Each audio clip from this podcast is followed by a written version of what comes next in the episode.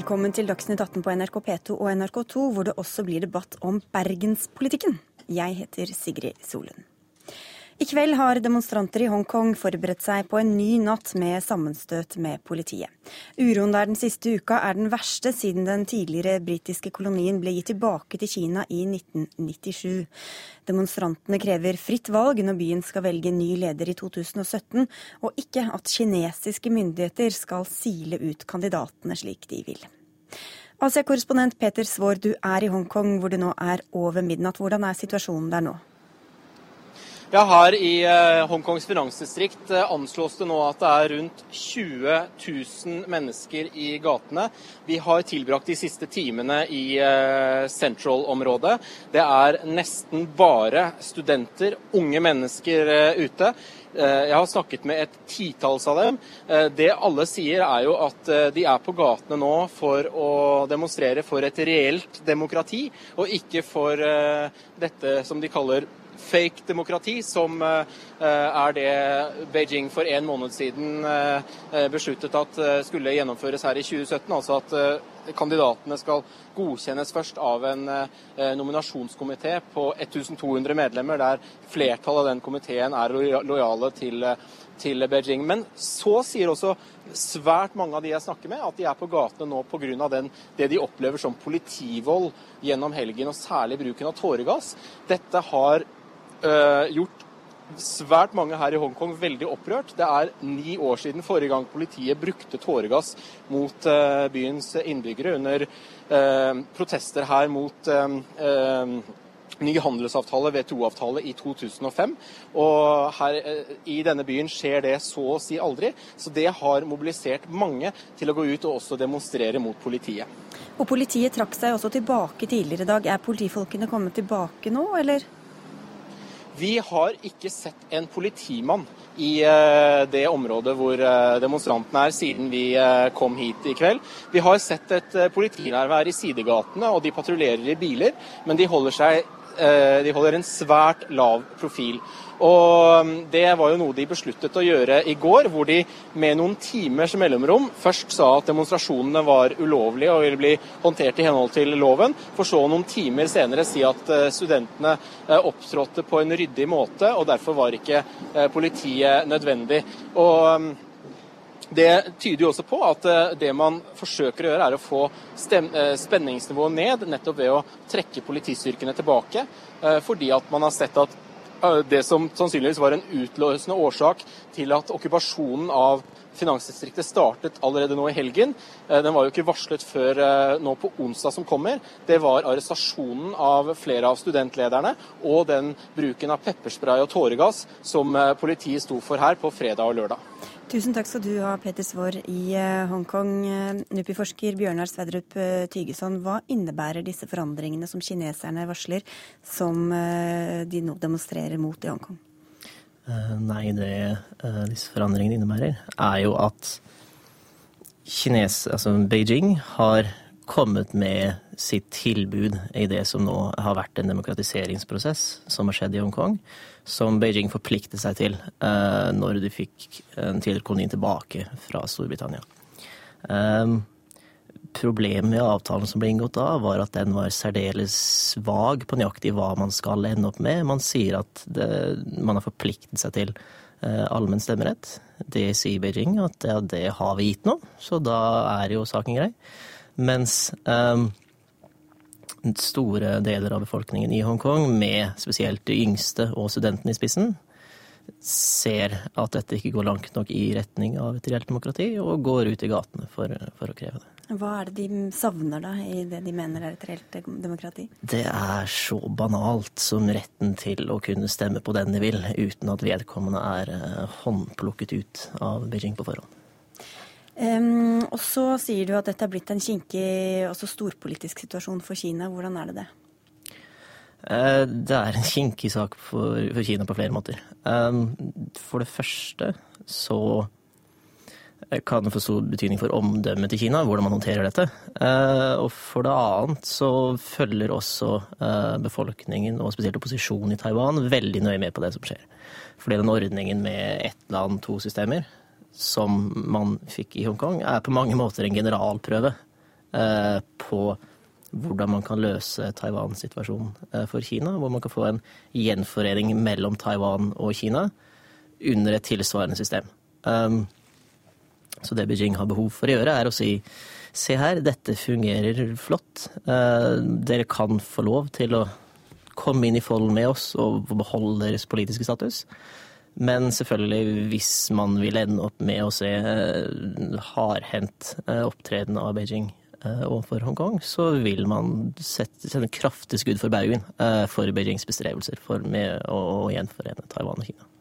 Hongkong var altså under britisk styre tidligere. Er det et annet syn på demokrati og samfunnet der enn blant den jevne kineser?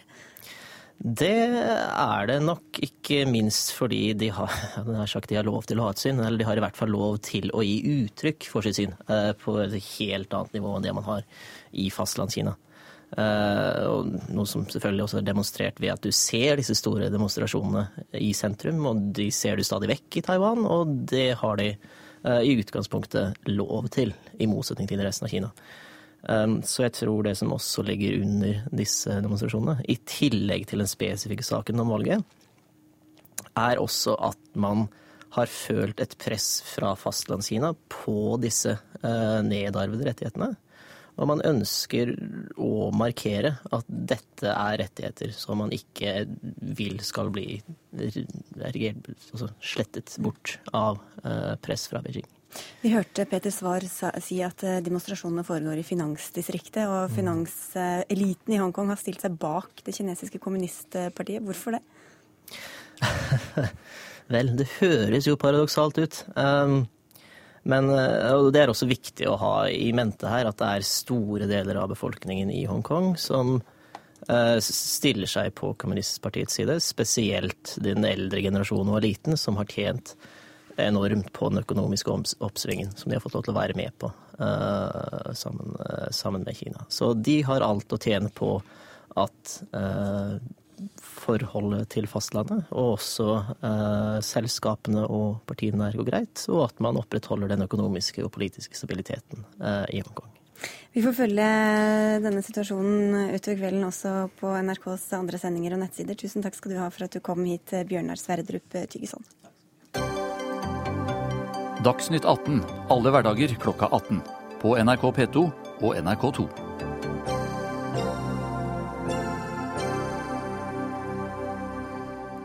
Om to dager er det ventet at Høyres stortingsgruppe sier ja til å gi en statsgaranti for OL i Oslo 2022. Men eh, da kommer de ikke til å vite alt om hvordan de offentlige kostnadene skal fordeles. Oslo og Kulturdepartementet forhandler nemlig fremdeles om hvem som skal ta hvilke deler av regninga. Stian Berger Røsland, du er byrådsleder i Oslo. Du er også president for uh, søkerkomiteen. Leder. Leder. Vi prøver å gjøre det litt fjongere her enn eh, det dere vil ha det til. Oslo-OL kommer til å koste det offentlige nesten 23 eh, milliarder kroner. Hvor mye penger er det forhandlingene går ut på nå? Det forhandlingene primært dreier seg om, er eh, hvem som skal eh, dekke de ulike typer kostnader. og Da er det gjennomføringskostnader, det er kostnader knyttet til nye idrettsanlegg, og så er det kostnader knyttet til, til anlegg.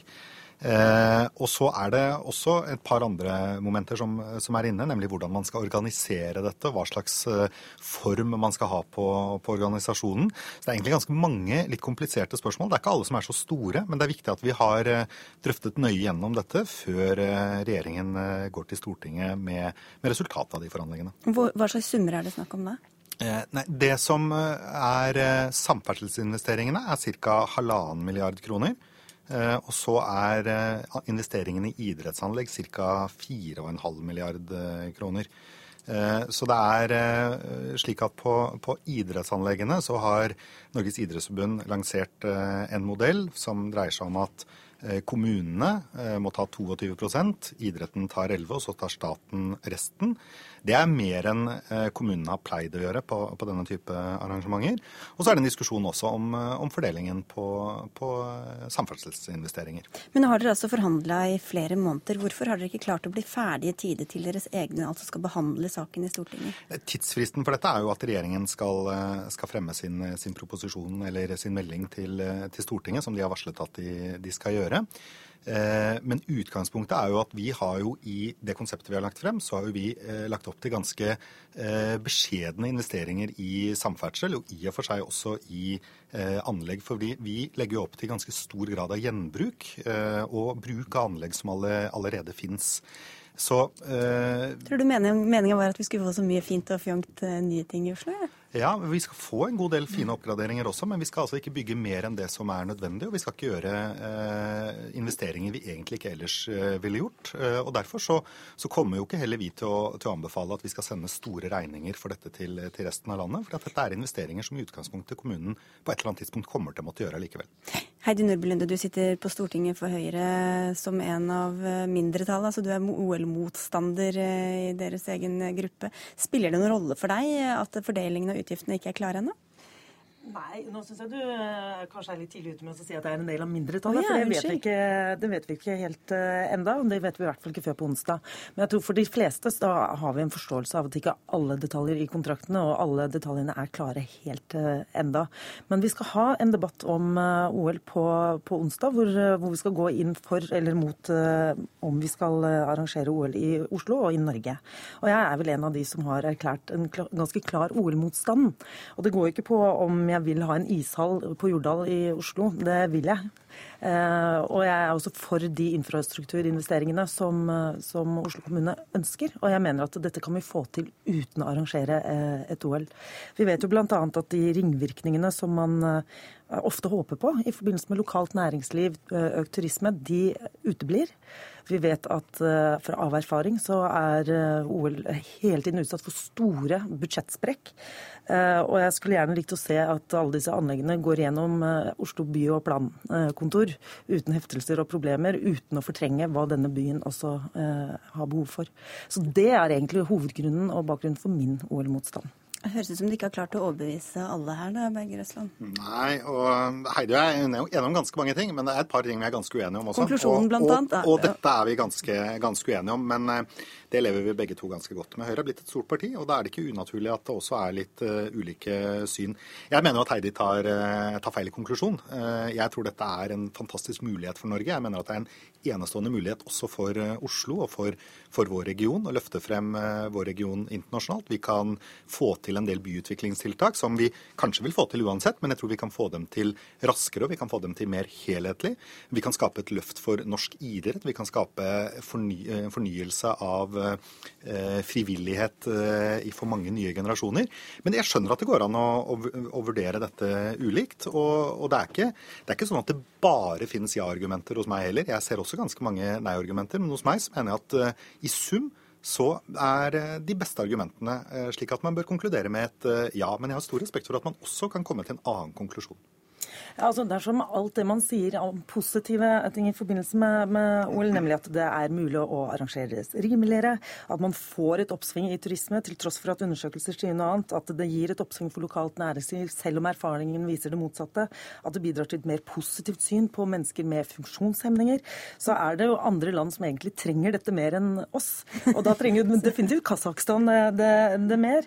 Eh, men på den annen side så sier man også det olympiske charteret sier jo at det er en av målene målene er jo forbrødring og internasjonal sameksistens. Og det høres jo flott ut. Men det betyr jo også at OL og kostnadene for OL skal fordeles på ulike nasjoner.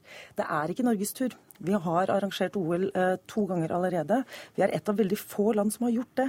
Og blant annet har jo ikke Sverige arrangert OL siden 1912. Det er flere som burde dele på den kostnaden, særlig når vi ser hvilke negative konsekvenser det har. Nå ble det skikkelig OL-debatt her, men hva tror du? Du mente jeg var litt forhasta i eh, innledningen her med å si at du tilhørte mindretallet. Hvordan tror du det kommer til å gå på onsdag? Altså, Da vi brøt av for sommeren, så virket det som vi var tredelt. En tredjedel som var veldig klare ja, en tredjedel som var veldig klare nei, og en tredjedel som ikke visste. Eh, så har det sikkert vært eh, forskyvninger det i løpet av sommeren. Men jeg tror det blir en åpen og frisk debatt, eh, ikke, ikke minst. Og så håper jeg at man kommer ned på et fornuftig standpunkt, hvor vi eh, gjennomfører det vi lovet i valgkampen, og prioriterer de sakene vi allerede har lovet velgerne først, før vi begynner å vurdere et OL i Oslo. Har du ringt litt rundt til partikamerater, eller Berger Røsland? Jeg har snakket med mange, og det er også ganske mange representanter som er eh, oppriktig i tvil, og som lurer på en del ting. Vi gjør alt det vi kan nå for å besvare de spørsmålene, sånn at eh, man har et best mulig grunnlag for den diskusjonen som eh, gruppen skal ha på onsdag. Politisk kommentator her i NRK, Lars Nehru Sand. Vi hørte Berger Østland mente det var ikke så viktig med de, disse dragkampene som fortsatt pågår. Er det riktig? Det er jo eh, små, eller en liten andel av statsgarantien på 35 milliarder kroner, de 6 milliardene som Berger Østland viser til i forhandlingen. Men det er folk i Høyres egen stortingsgruppe som hadde sett at når Høyre i regjering ber Høyres stortingsgruppe om råd, så burde Høyre i Kulturdepartementet klart å bli enige med Høyre i Oslo om hva Høyre mente, eh, før man ba Høyre om råd. Det er et resonnement det går an å, å, følge. Men jeg tror også at eh, Stian Berger Røsland og resten av ja-siden kunne tjent på å ha landa noe av dette eh, før oppløpssiden på, på, denne debatten. Rett og slett fordi det symbolsk vil fortelle mange rundt i Norge noe dersom Oslo kommune kommer med den innrømmelsen at noen av disse samferdselsinvesteringene må vi gjøre uansett, kanskje vi skal ta kostnadene. Eh, noen av disse ishallene burde vi kanskje klart å bygge selv på alle disse årene. Eh, Stavanger har klart å bygge en ishall.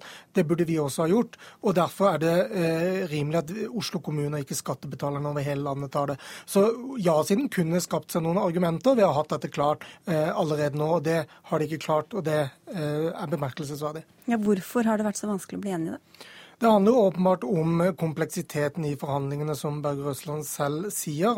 Og så er det jo en sak for Høyres stortingsgruppe som uansett er vanskelig, for det er mange kryssende hensyn i debatten. Ikke bare et ja eller nei til, eh, til et OL, men en konkurranse med Ap både om Oslo befolknings gunst, om idrettsbevegelsen gunst og, og andre kryssende hensyn. Og så skriver du i en ytring på NRK i dag eh, hvordan Høyre kan komme til å slite i årevis eh, dersom Frp gå med på et ja til OL. Hvordan da? Ja, Frp er jo eh, sterkt imot, og hvis Høyre skal få veldig masse penger å bruke på en av sine hjertesaker, så vil jeg tro at finansminister Siv Jensen i budsjettforhandlinger frem til 2017 vil minne Erna Solberg på at nå har Høyre-velgerne fått gjennomslag for én hjertesak. Det bør eh, Frp også kunne få, få en, et, kost, et, dyrt gjennomslag. Eh, så for Erna Solberg så dette, handler dette om veldig mye enn en et ja eller nei til det idrettsarrangementet. og Det handler også om den politiske risikoen det er, eh, all den tid det ikke er noe sug i befolkningen etter et OL. Så man bruker, eller risikerer å bruke veldig mye eh, økonomisk og politisk kapital på et eh, prosjekt som ikke nødvendigvis er sterkt ønsket. Så får vi se hvem av dere to som får vilja deres. Når skal dere stemme over dette på onsdag? Tidspunktet vet jeg ikke. Jeg regner med at det blir en lang og, og livlig debatt. Og det håper jeg. fordi det er, det er mange, mange, ting som går rett igjennom gruppen. Det er fint at vi har åpne og gode debatter. Og så, så, håper jeg at vi prioriterer de sakene vi lovet befolkningen da vi gikk til valg, før vi prioriterer et OL. Prøv å bli ferdig før Dagsnytt 18 sendt inn, da kanskje. Så ses vi igjen. Takk skal dere ha.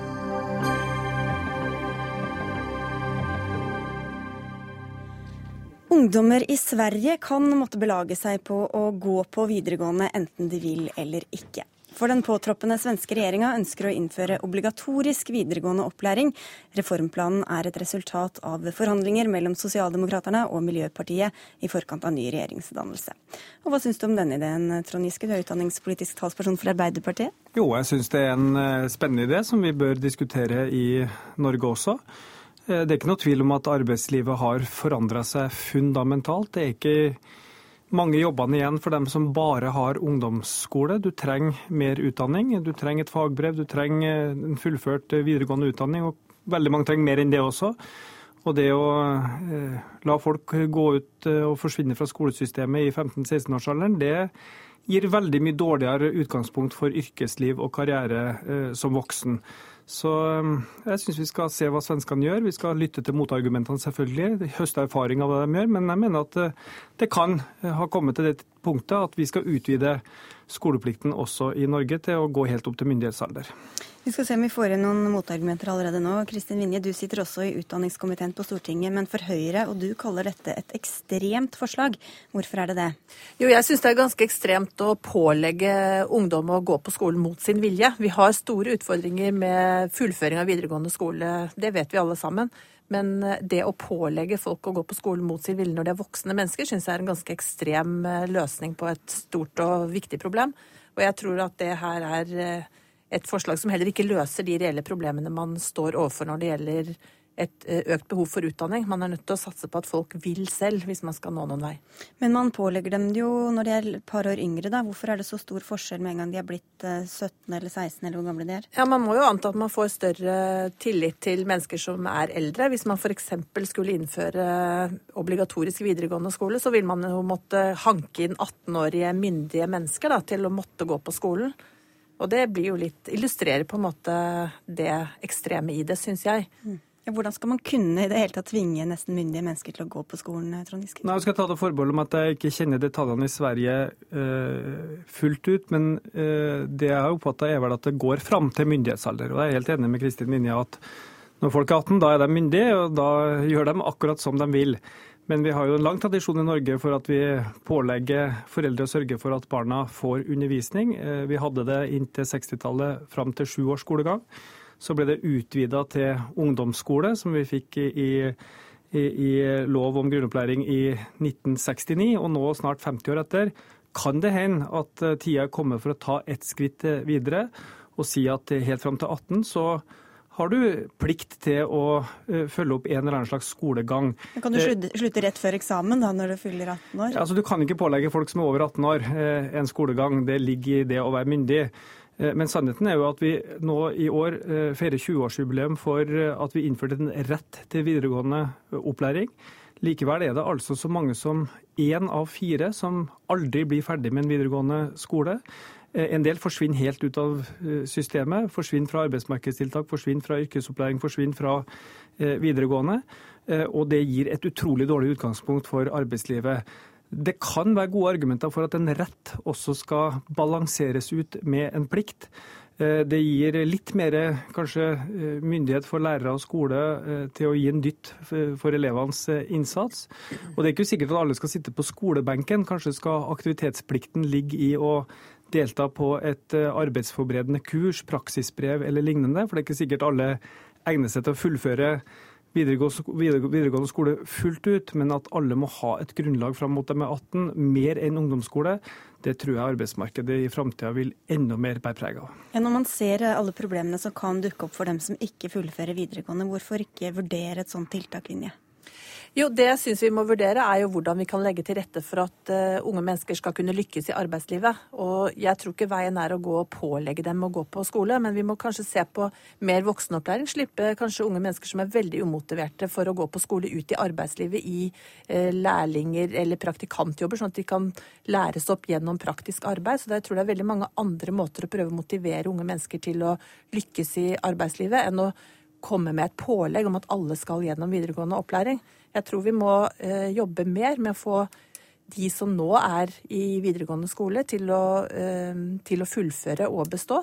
Og så prøve å motivere eh, de som ikke er interessert, til å komme ut i arbeid og kunne få muligheten til å utdanne seg og, skolere seg senere i livet. Og så er jeg jo helt enig med Kristin Vinje at det viktigste er å sørge for at de som er umotiverte, blir motivert.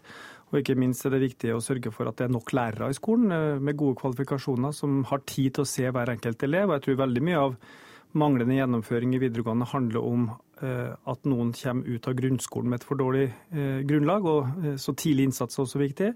Nok lærlingplasser, nok utstyr, riktig valg, god rådgivning. Mange ting som skal til for at vi skal få ned frafallet. Men jeg har litt sansen for at i dette så skal det ikke bare være et tilbud, et serveringsfat som legges fram eh, for ungdommene, men det også skal være et snev av plikt til å faktisk måtte benytte seg av dette. Fordi at vi lurer folk som er 16 år til å si at eh, nei, du kan fritt velge bort eh, skolen. Det som skjer da, er at de starter voksenlivet med et utrolig mye dårligere utgangspunkt. og Samfunnet taper altså et sted mellom 10 og 15 milliarder kroner i året på at folk ikke fullfører videregående skole. Så dette er et stort samfunnsproblem. Og til slutt må jeg bare si, Det er jo et paradoks med et parti som Høyre, som er for arbeidsplikt for sosialklienter, voksne folk, men altså eh, mot at 16-17-åringer eh, skal ha plikt til faktisk å følge opp en skolegang eller et arbeidsforberedende kurs. Ja, plikt og samfunnsøkonomi, det høres ut som eh, noe Høyre burde være glad i? Nei, jeg syns ikke det paradokset var noen god illustrasjon. fordi at eh, det å kunne velge å ikke ta en utdannelse, det må vi også ha respekt for. Men så må vi selvfølgelig gjøre det attraktivt og prøve å forklare at det lønner seg å ta en utdannelse. Men det å tvinge folk gjennom et system når de begynner å bli voksne, det tror jeg altså ikke på. Det som er viktig i skolepolitikken fremover, er jo å styrke læreren. Og få utdannet flere lærere, flere gode lærere. Og sørge for at unge mennesker velger riktig, at de kommer inn på de sporene de, de trives i og kan lykkes med. Så det er veldig mange andre ting i skolepolitikken som jeg syns er mye viktigere å jobbe med fremover enn å lage en obligatorisk videregående skole. Hvor motiverende tror du det er Trond Giske, for en som har slitt seg gjennom ti år på skolebenken, og så fått redd nedover ørene tre år til? Nei, jeg tror vi må ha en, i hvert fall en stor fleksibilitet i hvilket tilbud man har plikt til å ta imot.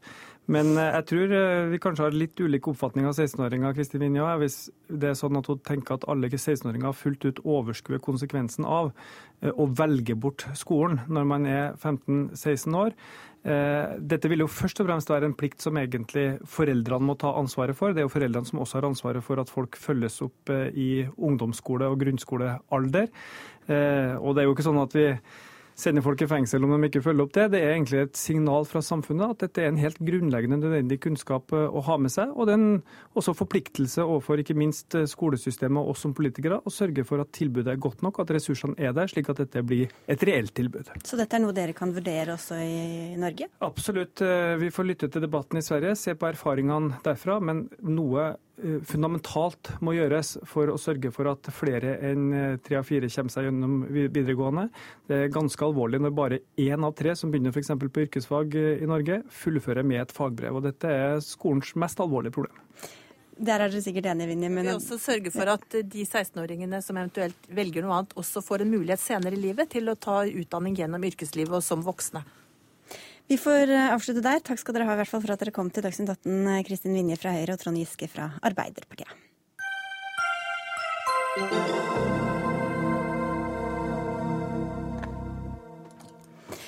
Debatten om hvor Bybanen i Bergen skal gå, har gått hardt utover det borgerlige samarbeidet i byen. Ja, selv en middag hos eh, statsminister Erna Solberg endte i krangel blant ulike høyretopper.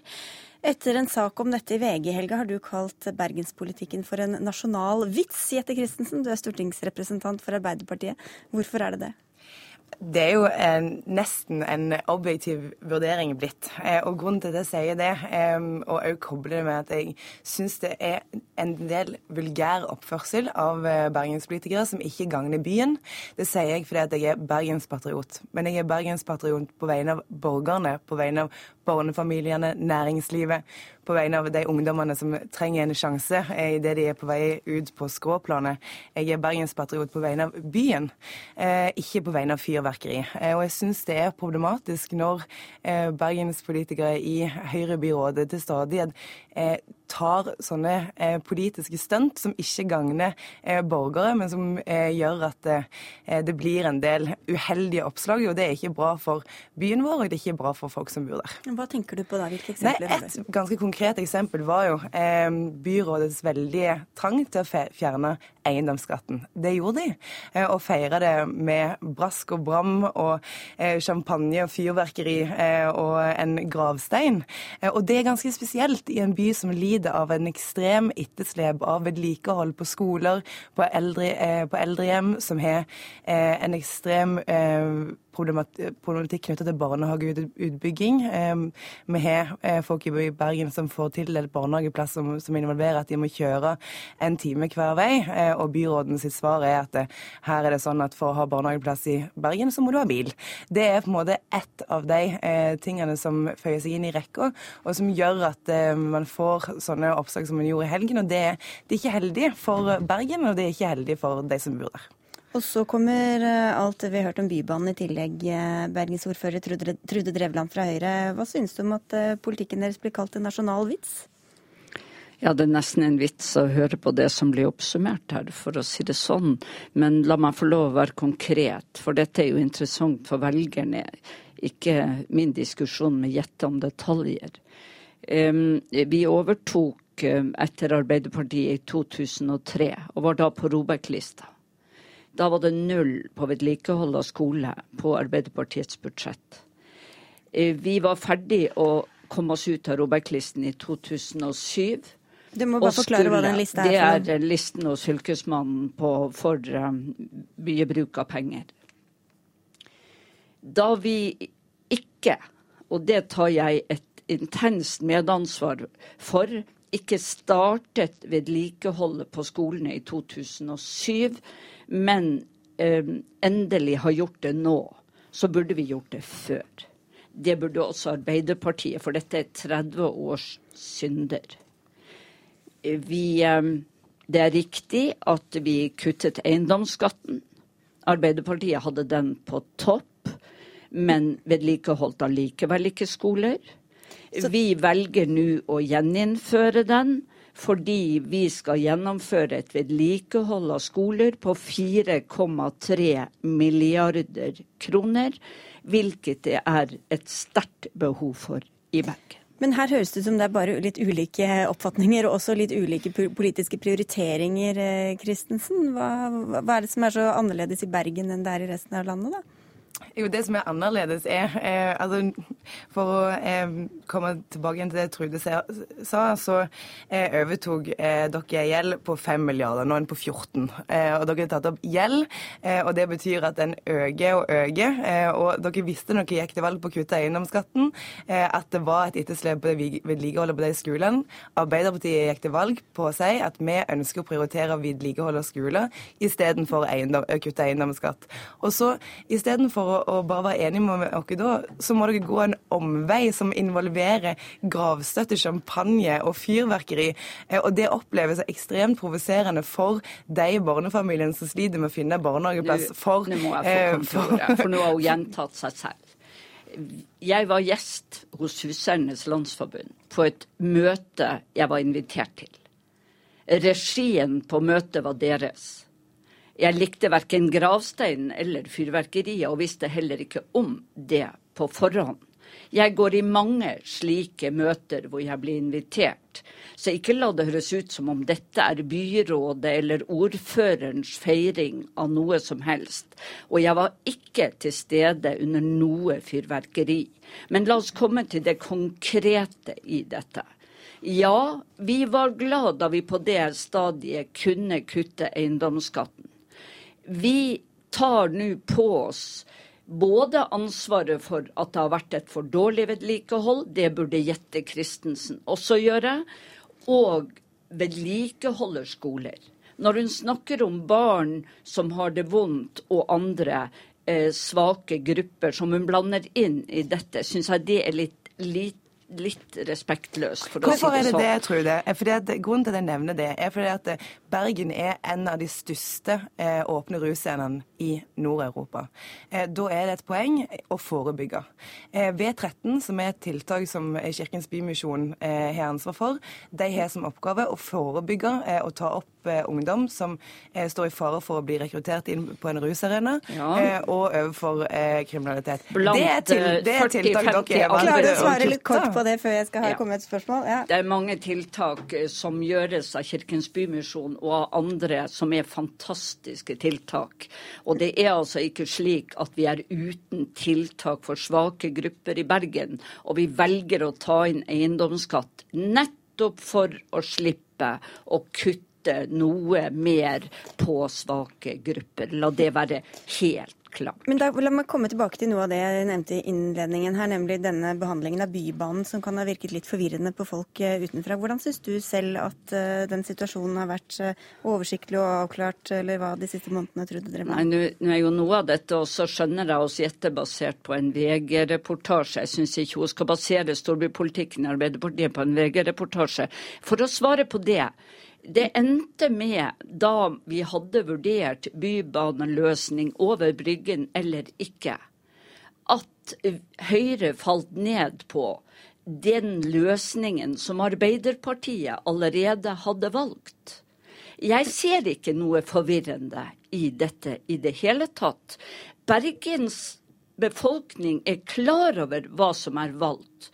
Og det er i Bergen dyp uenighet om dette, så, og et stort engasjement, som det er i veldig mange andre politiske saker. Og det er ikke forvirrende for så veldig mange, muligens for Jette Christensen, men ikke for oss. Nei, men eh, det har jo vært sånn at det som er kommet ut av Bergen i det siste, har vært krangling mellom byråd.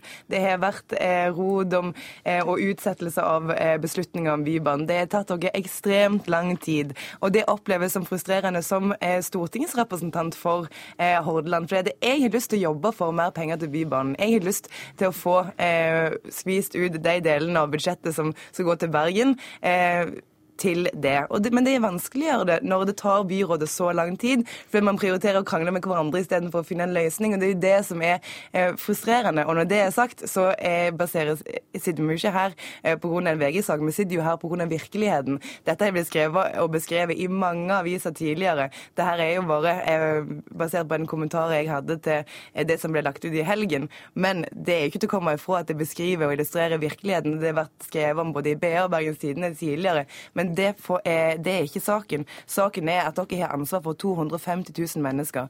Det er etterslep på vedlikehold. Vi mangler barnehageplasser. Ja. Og da må man konsentrere seg om det istedenfor å krangle med hverandre. Så skal du, du, er med i dette storbyutvalget, eller du leder det for Arbeiderpartiet Nei, leder, ja, samme det. Jeg med, ja. ja. Eh, og, det, og, og, du vil ta byrådsmakten selvfølgelig på vegne av Arbeiderpartiet, eller eh, dette ble litt feil, i Bergen. Så at du kritiserer Høyre-byrådet er kanskje ikke helt tilfeldig? Det er ikke tilfeldig at jeg er uenig med eh, Høyre om mange løsninger og prioriteringer, men det her er litt større enn det. Fordi det er så mange saker som eh, bryter ut fra Bergen, og som når nasjonal presse. Og alle de sakene dreier seg om rot og forsinkelser og kluss. Eh, og det er det jeg syns er så synd. Fordi vi er eh, Norges største by. Vi er nødt for å komme fram. Ja, OK, kom igjen, Drevland, på slutten her. Jeg, jeg, jeg vil råde Christensen til å være litt mer konkret litt mer to the point. Og så har jeg lyst til å si at hvis hun syns det virker rotete at det nå er et flertall for løsningen av Bybanen over Bryggen, så kan jeg godt hjelpe henne med å forklare hva, hva hun skal sørge for mer penger til. Det vet jeg. Og så er jeg for i Høyre åpne, fine prosesser hvor vi tør å diskutere åpent, også i media, før vi tar en avgjørelse. Det kan jeg anbefale både Jette Christensen og Arbeiderpartiet, for det funker bra. Det syns vi også, men det er jo ikke akkurat unison ro eh, og grenseløs eh, saklighet som er kommet ifra eh, Bergen og er opp i nasjonale pressen. Men, kan ja, du være konkret? Oi, det må være kort. Det har jeg vært vedrørende de sakene som har vært i det siste, om at dere brukt altfor lang tid, dere krangler altfor mye med hverandre. Vi krangler dere... ikke med hverandre, vi har friske og herlige bergenske debatter. Å, vi får si takk for at dere tok en sånn her også i Dagsnytt 18, Jette Christensen og Trude Drevland. Hør Dagsnytt 18 når du vil. Radio NRK.no.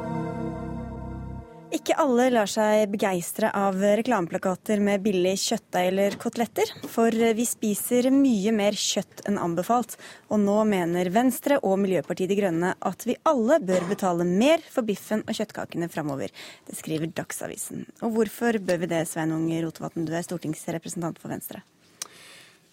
Fordi at eh, det å ete veldig mye kjøtt og et kosthold basert på veldig mye kjøtt, det er utrolig skadelig for klimaet. 15% av klimagassutslippene i verden kommer fra kjøtt- og melkeproduksjon. Det er mer enn fra hele transportsektoren til sammen. Nå vil ikke jeg forby noen å spise kjøtt, det må få lov til å gjøre hvis de vil, men det vi i Venstre har eh, foreslått og ment lenge, er at det bør bli billigere å spise frukt og grønt og det som er sunt for deg sjøl og for klimaet. Og så kan vi godt ha normal moms på kjøtt. I dag har vi jo halv moms på mat, så vi har foreslått at vi kan ha vanlig moms på kjøtt. Det vil gjøre det litt dyrere å spise kjøtt, og det vil gjøre det litt billigere å spise frukt og grønt. Og det er bra for den enkelte, og det er bra for klimaet, og det er ikke minst i tråd med de målsettingene som vi politisk faktisk er enige om. Morten Ørsal Johansen, du er landbrukspolitisk talsperson for Fremskrittspartiet. Hva synes du om å skru opp eh, kjøttprisen? La meg først si at jeg er en stor tilhenger til at vi skal ha et variert og godt kosthold i Norge. Og et variert og godt kosthold det innbefatter òg kjøtt. Og kjøtt er faktisk en viktig bestandsdel av det, det, det norske maten og det norske kostholdet. Eh, vi kan ikke gjøre det sånn at det skal bli dyrere å ete kjøtt, og, og nesten få et sånn eh, matklasseskille i Norge. Altså eh, Røkke og, og Hegnar kan ete indrefilet, mens resten av folket må ete, ete tomatsuppe. Eh, så jeg, jeg syns det er det, det, blir litt søkt for meg å, ha, å, å, å prøve å legge sånne, sånne, føringer for hva folk skal ha i seg. Altså Folk må få ete det de har lyst til og, det de vil, og så får vi opplyse dem om, om riktig kosthold og, og, og konsekvenser av ja, det. Men bare for å ta det, da, På den ene siden så sier staten til oss hva vi skal spise, og da er det fisk og det er grønnsaker. Og på den andre siden så eh, er det altså kjempebillig kjøtt som vi kan kjøpe på butikken. Hvordan rimer det? Nei, hvor, hvor, hvor billig kjøtt er, kan vel, kan vel diskuteres. Altså, jeg synes at eh, Hvis vi først skal begynne å se på, på priser på, på, mat, så må vi jo se hva, hva, de koster ut, og hva ikke minst de som produserer dette, her får for å, for å produsere det, nemlig bonden. Og Det er et faktum det at Norge er et utpreget grasland. To tredeler av det dyrkbare arealet er kun egnet for grasproduksjon. Og gras kan ikke folk ete. Det må gå gjennom et system, og dette systemet er da drøvtyggere som produserer kjøtt. og Det er et av de viktigste produktene for norsk landbruk. Og, og hvordan vi skal klare å oppnå målet vårt med å øke selvforsyningsgraden og matproduksjonen med 20 fram til 2020, uten å da kunne ha kjøttproduksjon og øke kjøttproduksjon, det framstår for meg som en stor gåte. Vi skal ha kjøttproduksjon, og folk bør ete kjøtt. Men folk bør ikke ete altfor mye av det. Eh, og De siste 25 åra har folk gått fra å ete i snitt 53 kilo i måret til å ete 75 kilo i året nesten halvparten av oss spiser mer enn det som er anbefalt av hensyn til helsa. Og Da mener jeg at det er helt fornuftig at vi i et klima-, miljø- og folkehelseperspektiv kan bruke avgiftssystemet litt mer aktivt, slik at det lønner seg mer for den enkelte forbruker å ete det som er sunt og det som er miljømessig, og at det er litt dyrere å ete det som ikke er bra. Men hva med dette klasseskillet som Ørsal Johansen er bekymra over, da? Vi vet jo det at de som har eh, dårlig råd, er, er, også de som eter, eh, eller har et dårlig kosthold eh, og eter mye usunt. Og det er også de som fort kan respondere på at vi har eh, en større bruk av insentiv i prissystemene våre for at det skal bli billigere å ete sunt. Både for de som tjener godt, og for de som tjener dårlig. Og så vet vi jo det også, og jeg på at det er ganske svære dimensjoner vi snakker om her. Altså Dersom hver nordmann kutter ut kjøtt én dag i veka, så hadde det tilsvart kutt i utslippene på 200 000 biler. Så det er ikke bare sånn liten politikk der, det er en sentral del av klimapolitikken og bør være det framover. Ja, hvilken rolle spiller det for dere? Da må det være et valg som hver enkelt tar og ikke noe som vi påtvinger, eh, vi politikere. Men man gjør jo det gjennom skattesystemet og avgiftssystemet på andre områder, da? F.eks. Ja, dieselavgift, bil, altså bensinavgift, sånne ting? Nettopp, og det er en del av den store og hele utfordringen med det. Fremskrittspartiet er heller ikke for at vi skal ha høye avgifter på, Så på dere vil ikke vri forbruket i det hele tatt gjennom avgifter? Nei, Altså, jeg mener at skal, å styre folk er én ting, men, men at vi politisk skal vedta hva folk skal ete, det syns jeg blir feil. Nei, Vi skal ikke vedta hva folk skal ete. Eh, folk skal få lov til å ete det de vil. Men vi bør bruke avgiftssystemet på en måte at det som er billigst å ete, er det som også er sunt å ete. Og så vil jeg også si veldig kort at Frp kan sitte og si det de vil, men de har heldigvis forplikta seg til på Stortinget å legge fram for Stortinget en sak om å se på landbrukspolitikken i et klimaperspektiv. Det ble vi enige om i vår i jordbruksoppgjøret, og jeg gleder meg til at Frp kommer med det framlegget til Stortinget. Vi skal få inn noen flere her også. Kristoffer Ringnes Klyve, du er leder for klima- og miljøavdelingen i Fremtiden i våre hender. og dere vil gå enda lenger enn Rotevatn her. Hva vil dere gjøre? Ja, det er jo fordi uh, økt moms er jo et lite og godt svar på et veldig, veldig stort problem. Så det er et bra første skritt. Men for å virkelig kunne gjøre noe med kjøttforbruket, så, så mener vi at man burde ha en kjøttavgift i tillegg. Og Det er ikke noe sånn fundamentalt forskjellig fra det som er på drivstoff uh, i Norge. der er det jo blitt etablert nå og akseptert i store deler av samfunnet at vi, vi, skal betale mer for bensin og diesel fordi det forurenser. Det er ganske enkel, enkel logikk. Men der er det også sånn at f.eks. kyllingproduksjon har vi jo mindre klimagasser enn storfeproduksjon f.eks. Skal det være likt for alle, eller hvordan selger dere det? Nei, Det kan man godt differensiere etter, eh, etter klimaeffekten på forskjellige typer kjøttvarer. Eh, det er ikke noe veien for. Hva syns du om dette der, Rotevatn? Det er en diskusjon vi godt kan komme tilbake til. I, i første omgang tror jeg vi skal se på momssystemet, at det er klokt. Eh, og så tror jeg det er én ting til vi bør se på som ikke er nevnt, og det er jo dette der opplysningskontoret for kjøtt. Som jo er at en sitter og eh, gjennom forskrift og omsetningsavgifter og bruker penger på å oppfordre til enda mer kjøttforbruk. Og det har staten en ganske stor rolle i. Eh, og det tror jeg noe en bør se på, for det er direkte mot det staten har som målsetninger på klimaområdet og på folkehelseområdet. Brita Skallerud, du er andre nestleder i Norges Bondelag. Eh, og så vidt jeg forstår, så mener du det er feil å fokusere bare på pris på kjøttet. Hvorfor det? Jo, for Vi ser i dag ikke den reelle kjøttprisen i butikk. Eh, fordi eh, kjøtt er faktisk den viktigste lokkevaren i butikk. Og da, hvis vi hadde tatt den reelle kjøttprisen, så hadde det vært en helt annen pris på det. Når man kan få kjøpt den ynda eksempelet ribbe til alt fra 1990 til 2990, så er jo det langt under hva det koster å produsere en kilo ribbe. Og da mener jeg at det er mye viktigere at man setter fokus inn på å få f.eks. lov om god handelsskikk, som ligger egentlig fra den forrige regjeringa, som denne regjeringa kunne fullføre osv. Fordi at det, da hadde man fått kanskje den reelle prisen på kjøtt i butikk. Eh, og man hadde ikke minst også spist opp det kjøttet man hadde kjøpt. fordi at vi kaster altså veldig mye mat. Eh, og, og hvis vi da, hadde, da hadde vi kanskje eh, utnytta råvaren på en mye bedre måte. Så, den, så, det å øke momsen gir ikke nødvendigvis høyere kjøttpriser i utgangspunktet? Nei, det tror jeg du ikke vil se sånn i, i utgangspunktet, nei. Og så er det sånn at vi som bønder er jo heller ikke imot at man har en kjøttfri dag. Det er jo helt i orden at folk har det. Men vi produserer nå ikke mer enn mellom eller i underkant av 50, mellom 40 og 50 prosent av den maten vi spiser i Norge, den produseres her. Og da syns vi at det klimamessig bør også produseres mat i Norge som er kortreist, som vi har kontroll på i hele verdikjeden osv. At vi skal spise opp maten er dere sikkert enig i fremtiden våre hender, men det høres jo ikke ut som det nødvendigvis får så mye å si da, hva man gjør med avgiftene på kjøttet? Nei, det er klart at Hva som skjer i dagligvarebransjen betyr også veldig mye her. Men eh, det er nettopp derfor vi mener at du må ha et litt eh, sterkere virkemiddel enn bare denne kjøttmomsen. Fordi altså, Hvis du legger på eh, vanlig moms på kjøtt, så vil jo den eh, ribba til 1990 koster 21,90 omtrent isteden. Og den vil fortsatt da være billigere enn hundemat, og sannsynligvis bli brukt til det. Og det, um, det mener jeg er et bekymringstegn for, også for, eh, for produsentene av disse varene. Fordi det forteller folk at kjøtt er noe billige greier som uh, som er veldig lett tilgjengelig. Det, det skal ikke være det. Og det, Kjøtt er ordentlig eh, vanskelig å produsere, og det er krevende. og det, er, det, krever enorme ressurser. Selv om det er gras som ikke vi kan spise selv, så er det, det er ekstremt krevende for planeten å ha disse 1,5 milliarder dyrene som går rundt og skal produsere mat for oss mennesker.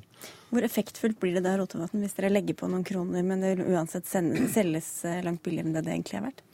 Det er et uh, første fornuftig steg. Og så vil de ikke minst bli enda billigere å spise frukt og grønt enn det er i dag. Det vil koste mindre. Det er bra.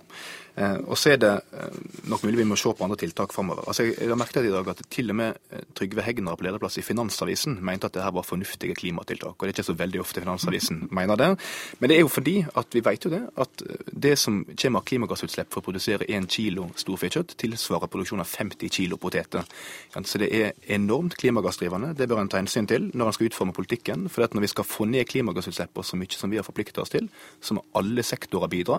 Og da kan det godt lønne seg litt mer for den enkelte forbruker å bidra gjennom sine innkjøp. Og det, Dere har jo også forplikta dere til det i Frp? Ja, vi har forpliktet oss. Men for si at eh, Hegnar har råd til å kjøpe kjøtt uansett hvor mye det koster han, så det, jeg tror ikke han eh, bekymrer seg særlig over det. Men det er én ting vi må ta med. Hvis det nå skulle få en effekt, altså hvis vi gjør kjøttet dyrere, så vil det føre til én ting, det er helt garantert, og det er økt grensehandel. Du har billigere kjøtt på andre sida av grensa. Det er en stor lokke, lokkevare for, for, de som driver med, eller for, for nordmenn som, som utfører grensehandel. I dag koster det eh, den norske stat 11 milliarder kroner i året. Eh, det koster næringslivet opptil 10 000 arbeidsplasser. Og, og økt grensehandel vil også føre til økt biltrafikk. Så vi vet at hvis vi da øker prisene i Norge, så, så havner disse her penga eh, som, som, skulle gått av norsk næringsliv, det havner da i, i, i lomma på svenske, svenske, næringsliv i stedet. Og, og, og, vi, og, det blir brukt eh, mer bil, altså det blir mer bilkjøring og økt forurensning. Vi får høre om dere i framtiden våre hender har noen innsigelse mot det. Vi er ikke noen sånn stor tilhenger av grensehandel, men eh, de, grensehandel er et relativt marginalt problem sånn klimamessig. og Også det, eh, de tallene som han trekker opp av hatten, er, de er måte, litt sånn eh, Vi kunne hatt en lang diskusjon om de. Jeg vil gjerne heller snakke om måte, dette, den myten om at kjøtt skal være så billig, men så, så dyrt. Unnskyld. Altså, kjøtt er jo nå mye billigere sammenlignet med andre varer enn det var for 30 år siden. Og eh, vi har regna litt på det og funnet ut at eh, kjøtt var ca. 30% dyrere enn andre varer i 1990, og nå er det 20% billigere.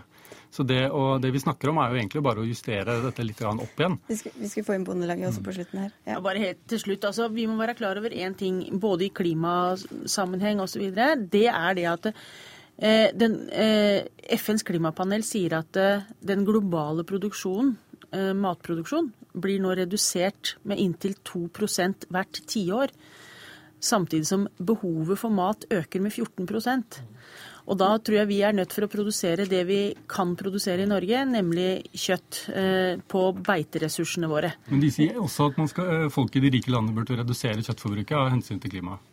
Vi får avslutte der. Eh, vi har en til som skal komme inn i studio. Takk skal dere ha alle sammen for at dere kom til Dagsnytt 18.